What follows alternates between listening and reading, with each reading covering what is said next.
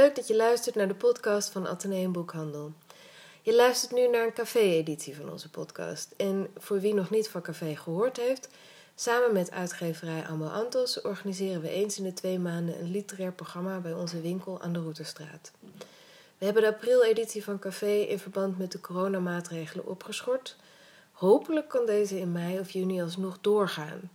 Op onze website atheneum.nl slash café, dat is atheneum.nl slash k-a-f-e-e, e, vind je hier zo snel mogelijk meer informatie over. En in de tussentijd hebben we gelukkig nog opnames van de vorige editie die we met jullie kunnen delen. Je gaat nu luisteren naar Mohammed Benzakour en Ambo Antos redacteur Laurens Ubbink over Benzakours nieuwe verhalenbundel De Ogen van Fadil. Een gesprek over de waarde van korte verhalen, over Benzakours fascinatie voor ezels en het belang van verbeelding.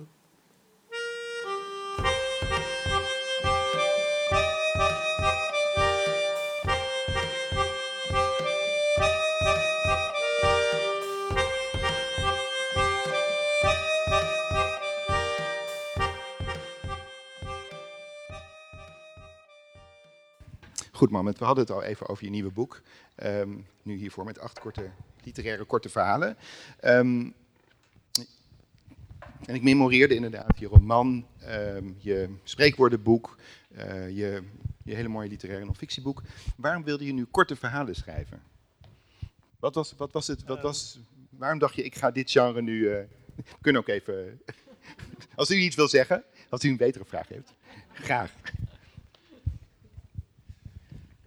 Ja, waarom ik uh, korte verhalen wil schrijven. Um, ik had nog een aantal korte verhalen uh, in, mijn bestand uit het verre verleden, waar ik nooit wat mee heb gedaan. En um, ja, je noemde het zo, net, ik heb een heel veelzijdig leven achter de rug. Maar er zaten nog geen korte verhalen tussen. En het was dus echt, je dacht, ja, ik dacht, ja, dit wil ik dus ook. Als je een pad ingaat, moet je het ook doorzetten. Dus ik ja. vond, ja, plus ik vind korte verhalen, um, die zie ik echt veel te weinig in de, in de boekhandels. Mm -hmm. En ik hou, ik hou heel erg van dat genre. Um, uh, ik ben ook wel opgegroeid met, met, met korte verhalen, korte, lange verhalen. Met een duidelijk begin, een mooie plot en dan een verrassend uh, einde. Van mijn moeder, veel verhaaltjes van moeder gehoord.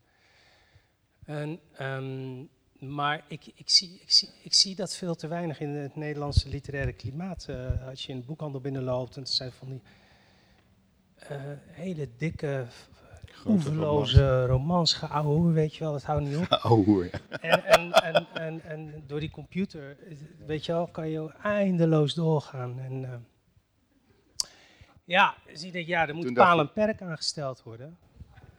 En nou ja, wie A zich moet B, B doen, weet je. Dus ja, en dat laat, ik, laat ik het maar doen. Ja, ja, ja. ja.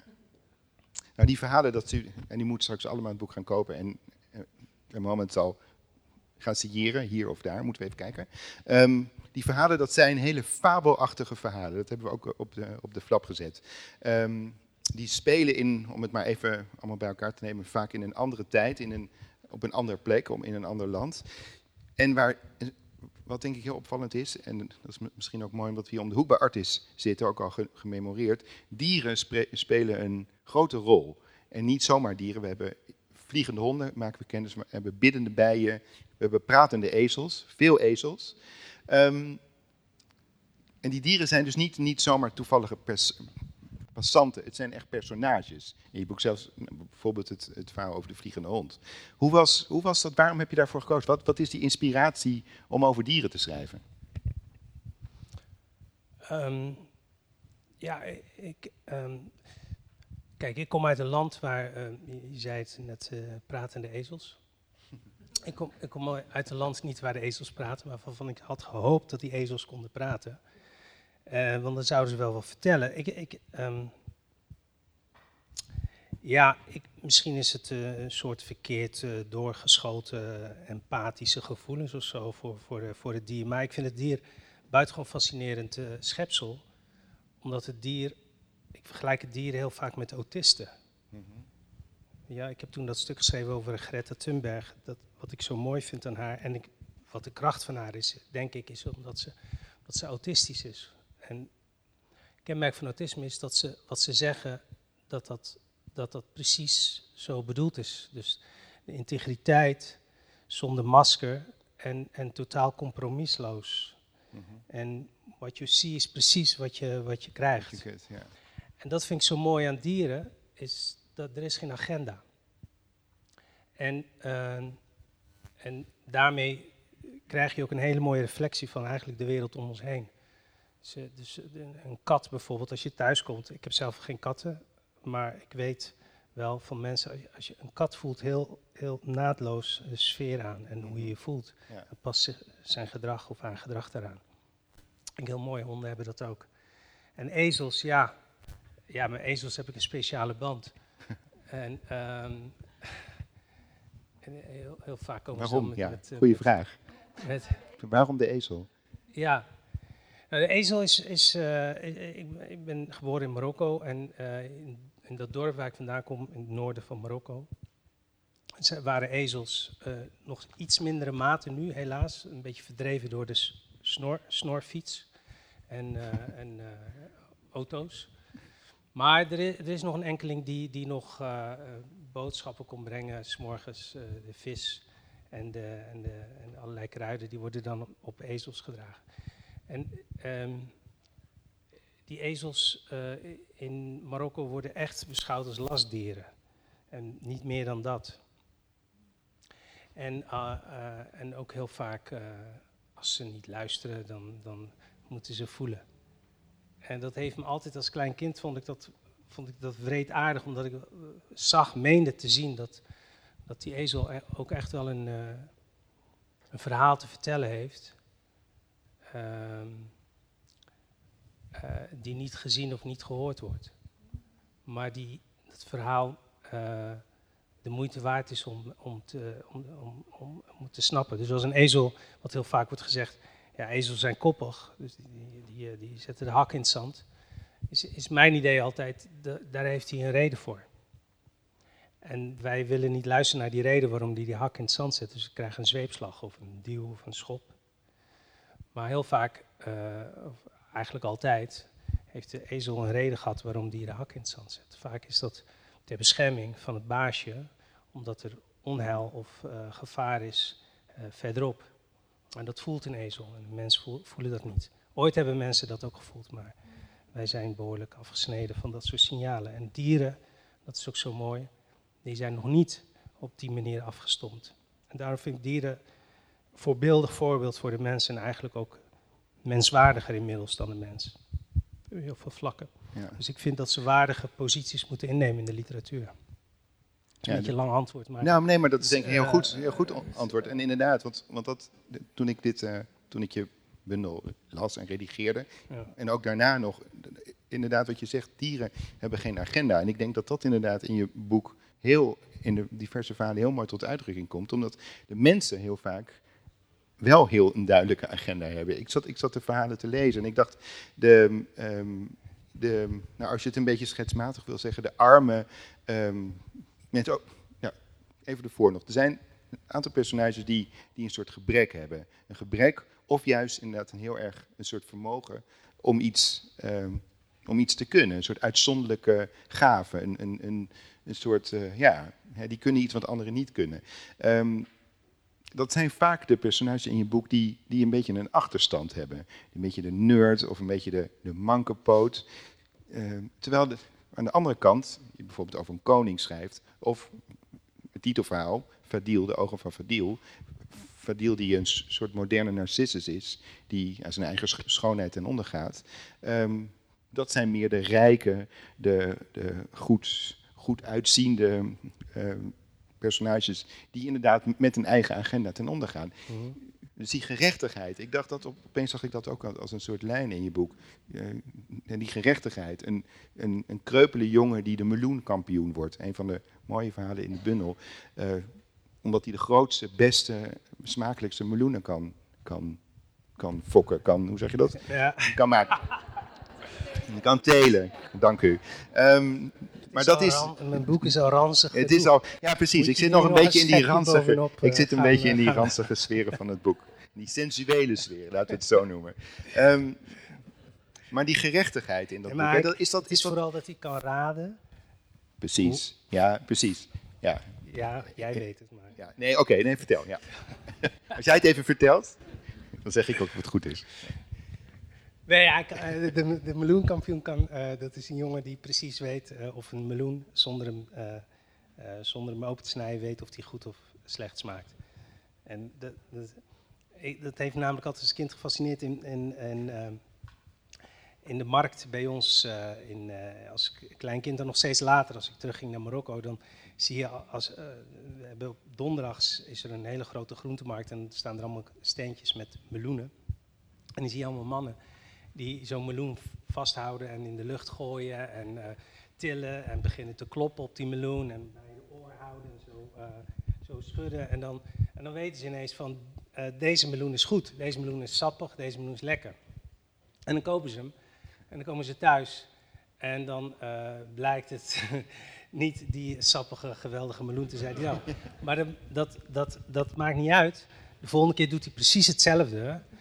Eh, omdat hij daarin gelooft. En het is, het is gewoon één groot theater de hele tijd. En iedereen gelooft daarin van je kan weten hoe een meloen smaakt door er. Dus iedereen heeft zo zijn manier. En, ehm, maar iedereen weet eigenlijk ook dat het gewoon allemaal het toneelspel is. Maar dan komt er eh, in mijn verhaal iemand eh, in voor die wel weet. Het geheim, het mysterie van het binnenste van een meloen. En, dat, dat, dus dat is iets anders dan fokken. Ja, dat is waar. Nou goed, hij, op, op een gegeven moment gebeurt er Ja. natuurlijk iets. Maar goed, dat gaan we hier niet vertellen. Maar- Nee, dat gaan we niet vertellen. Dat gaan we niet vertellen, maar er gebeurt iets wat je niet eh fokken zou noemen. Nee, oké. Ehm, dit misschien, misschien toch even dan het bruggetje. Want dat, dat, eh, ik volg niet precies wat hier staat, maar dat is misschien nu wel een beetje een goede vraag. Dat het inderdaad een bundel is waarin het autobiografische, misschien minus één verhaal, maar niet, niet op de voorgrond staat. En dat is natuurlijk ook wat je veel in de literatuur van nu leest, bij Nederlandse schrijvers, bij veel schrijvers überhaupt, dat, dat ze snel willen schrijven over een wereld die ze kennen. Ehm, en dit lijkt, althans, een wereld die, die we niet kennen, althans ik niet. En het is een, een fabelachtige wereld, een wereld hier ver vandaan. Wat, dat, was dat ook echt je bedoeling om dat, om dat zo te doen? Of is het, want eigenlijk doe je bij je, al je boeken, ontsluit je een wereld die we niet kennen. Ja, ehm, dat, dat, is, dat is waar. Ik wil ook eh, echt de lezer een wereld laten zien die, die je niet ziet als je hier de deur uitloopt. Een totaal andere wereld, maar een wereld die ook de moeite waard is om gekend te worden. Ook al ontspruit hij uit mijn eigen geest. Juist misschien daarom. Ja, misschien juist inderdaad. Ehm, maar, ehm, maar uit die wereld die totaal gefictionaliseerd is en wat eigenlijk een ode is aan de verbeelding, wil niet zeggen dat, dat daaruit niet iets gezegd kan worden over onze huidige wereld anno 2020 in Amsterdam. Omdat de, de thema's, denk ik, hoop ik, ehm, die vriendschap, eh, bedrog, eh, overspel, eh, ehm, eh, volledig mismaakte eh, kijk op seksualiteit, dat dat ook iets zegt over deze tijd. Maar in het totaal onbestemde, want nergens in mijn verhalen wordt duidelijk over welk land het gaat. Precies, ja. En ook niet in welk tijdbestek. Dus die, dat heb ik heel bewust zo gedaan. Ehm, ja. Ja, ik, ik mist dat soort literatuur in, eh, in, eh, in Nederland. ja. Ja. Ja.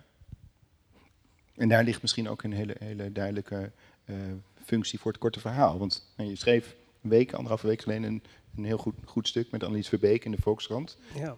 Waar jullie naar aanleiding van het niet, niet uitreiken van de JMA Biesheuvelprijs voor het korte verhaal. Ja. Een aantal van u heeft dat misschien gevolgd. Die, werd, die wordt dit jaar niet uitgereikt omdat, het, omdat de kwaliteit en het aantal bundels ehm, ja, te laag zou zijn. En jullie, en jullie schrijven in, in jullie geweldige artikel dat dat, dat dat heel zonde is. En dat, nou, dat het eigenlijk een pleidooi voor het korte verhaal. Ehm, maar dan bedoel je ook heel duidelijk dat korte verhaal. Het korte verhaal wat jij schrijft en wat een wereld opent die we niet kennen. ja, nou zijn mijn korte verhalen niet zo heel erg kort. Ze kunnen korter, bedoel je? Ja, het, ja. het zijn maar Ja, ja. acht verhalen. Het is toch bijna 200 bladzijden. Ja, dat is Dus waar. Het zijn lange, lange, lange, korte verhalen. Maar inderdaad, nee, eh, ik vond het heel triest dat de enige prijs die, eh, die in Nederland bestaat, eh, de Biesheuvelprijs voor het korte verhaal, dat die niet is uitgereikt. En ehm, die prijs is overigens ontstaan omdat de Libris-organisatie heeft besloten dat het korte verhaal, dus de korte verhalenbundels, niet mee mogen doen bij, bij de Libris-inzendingen. en ja, dat, dat, dat, dat, was jaren geleden en dat vond ik al schandalig. Alsof het korte verhaal niet een genre op zich is, een, een literair genre wat, wat, wat maar heel weinigen echt goed kunnen beoefenen. Zoals de column.